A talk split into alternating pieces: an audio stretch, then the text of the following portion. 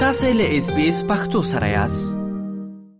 د روان میاشتې په لومړیو کې د استرالیا سترې محکمې د دوه لسیزې وړاندې پریکړه لغو کړه او د نامحدود مودې لپاره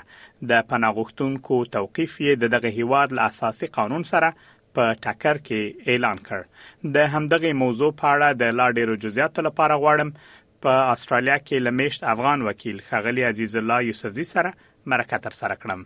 یوسفزی صاحب ډېره زیاته مننه چې سپیس پښتو راډیو ته مو د مرکې لپاره وخت راکړ.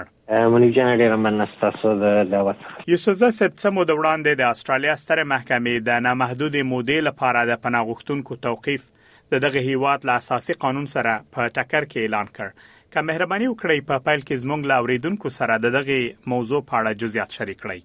بلوچستان د نهم نومبر دوه زره او درویشتم کال کې های کورټ ته وکیلانو درخواست کړی و چې هغه خلک چې کلونه کیږي د امیګریشن ډیټنشن سنټر کې پراته دي او نشو کولای چې استرالیا ته دن راشي هغوی ته به ویزه ورکړل شي او یا دا چې هغوی بیرته خپل کورونو ته واستوي د مثال په تور دې کې هغه کسانو چې د عراق نه راغلي وو او د فلسطین څخه راغلي وو او هغوی سره د ډاکومنټس نو بل دا چې هغوی سټیټس وو د بیرته تګ ځای نه لرله نو هغه خلک استرالیا امیګریشن بندیان کړي وو، په ډیټینشن کې ساتلي وو، بعضې یې له پنځه کلو نه زیات شوي وو او د همدې له وجې نه هیومن رایټس ګروپ او وکیلان چې وو دوی دوی وکولای شو چې هغه قانون چې دوه لسیزه مخکې یا شل کاله مخکې پاس شوی و چې هغه خلک چې ډاکومنټس نه لري د ګورنمنټ کولی شي تر هغې پورې چې دوی مثال په طور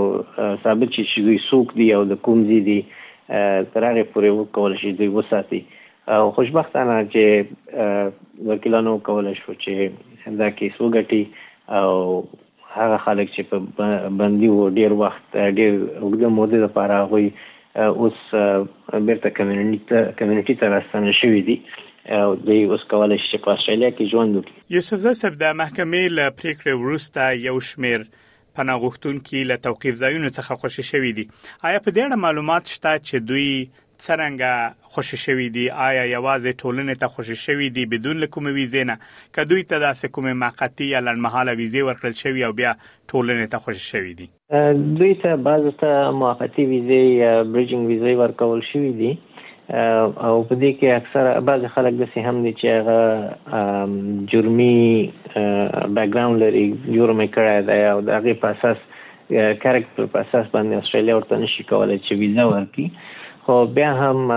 ځکه چې د های کورټ فیصله شوې ده چې دوی نشي کولی هغه خلک هلته وساتي نو دوی راخوشي کړي دي فلحال د سه ایمیګریشن ځکه چې ناڅاپه د فیصله وشوله او دغه لپاره د کوم معین دغه نه لري چې څه باید وکړي نو ځکه اکثره خلک برجنګ ویزو باندې راخوشي کوي د کمیونټي کې او اوس د دې نه بعد به بررسي کیږي چې دوی د کوم ویزې لپاره مستحق کیږي آیا دوی ته به ویزې ورکول کیږي او کنه خو ښه خبره دا ده چې هغوی نور په ډیټنشن کې نه دي کولی شي بیرته د استرالیا په خارو کې ژوند یوسفزی صاحب معمولا اوریدل کیږي کوم کسان چې نوی استرالیا ته راځي او پناه غواړي یا داسې په استراري حالتونو کې ځینې کسان استرالیا ته چې راځي په خو به چې د کشته لار راتلله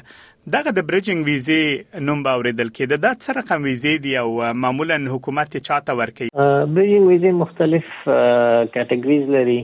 خو اکثره چې زموږ او ستاسو خلک په بريجنګ ويزو باندې دي، هغه هغه بريجنګ ويزې دي چې هغوی ته يوازې په اسټراليا کې د اوسېدو، د کار حق ورکول کېږي، نو بعضې دوستان به په ذهن کې لري چې هغه خلک چې اول کلو کې په کشتیو کې راغلي وو، هغوی یوازې د اوسېدو حق یې لرله، د کار او د درس، تعلیم او دا شیانو حق یې نه لرل، نو اکثره ځوانان چې راغلي وو، هغوی نه شو کولای چې درس ووایي یا کار وکړي تر ډېره اوږدې مودې لپاره،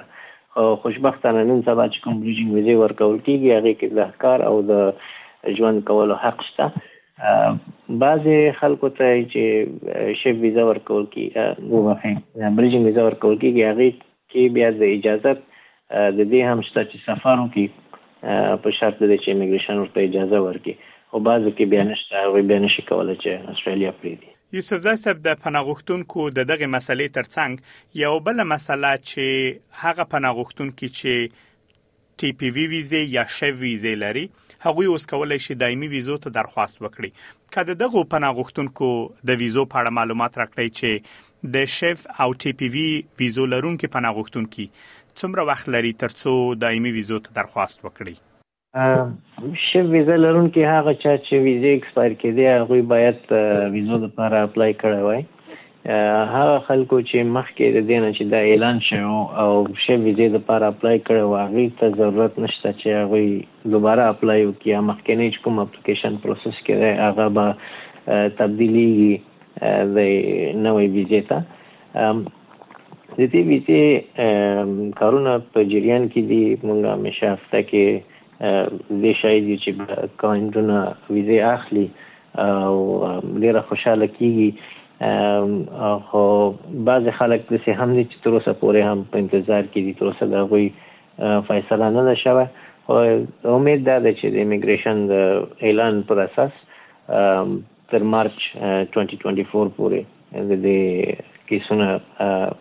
مجورټي کیسونه چې دي هغه هغوی ته ویزې ورکړل شي. یوسفزی صاحب دغه کسان چې ټي پي وي او شف ویزې لري څومره چې زما په یاد دي دوی هغه کسان دي چې استرالیا ته راغلي وه او دوی هم یو وخت پریجنګ ویزې درلودلې نو له هغو کسانو څخه چې لس دولس کاله وړاندې راغلي وه ایا داسې کسان تاسو ورسره په تماس کې یاستئ چې تر اوسه هم برجنګ ویزې لري حتی شیف او ټمپرري ویزې نه دي ترلاسه کړي یا ټي پی وي ویزې نه دي ترلاسه کړي. هغه سي کلاینټونه مونږ لرو چې تر اوسه پورې ټي پی وي یا شیف ویزې نه لري اوس هم په برجنګ ویزو کې دي خو هغوی هغه خلک دي چې د هغوی چې کوم پروټیکشن کلیمز وو هغه د امیګریشن له خوا نه رد شوي دي او تر اوسه پورې په فیډرل سرکټ کورټ یا امیګریشن اسسمنټ اتورټي او د خلکو سره د دوی کیسونه په ریویو لاندې دي نو امید دا ده چې اوس د دې پروسه به هم لږغوندې تیز شي تر څو چې د دوی هم فیصلې وشي خو یو شی چې دوی باندې ډیر زیات تاثیر وکړل هغه دا و چې د کوویډ په وخت کې محکمې بندې وي نو د هغې له وجې نه اکثر کسانو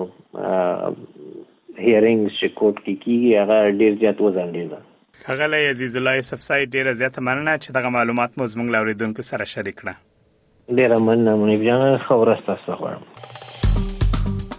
اس پی اس پختو په فیسبوک کې تا کې پلی مطلب یو فاک کړئ نظر ور کړئ او له نورو سره شریک کړئ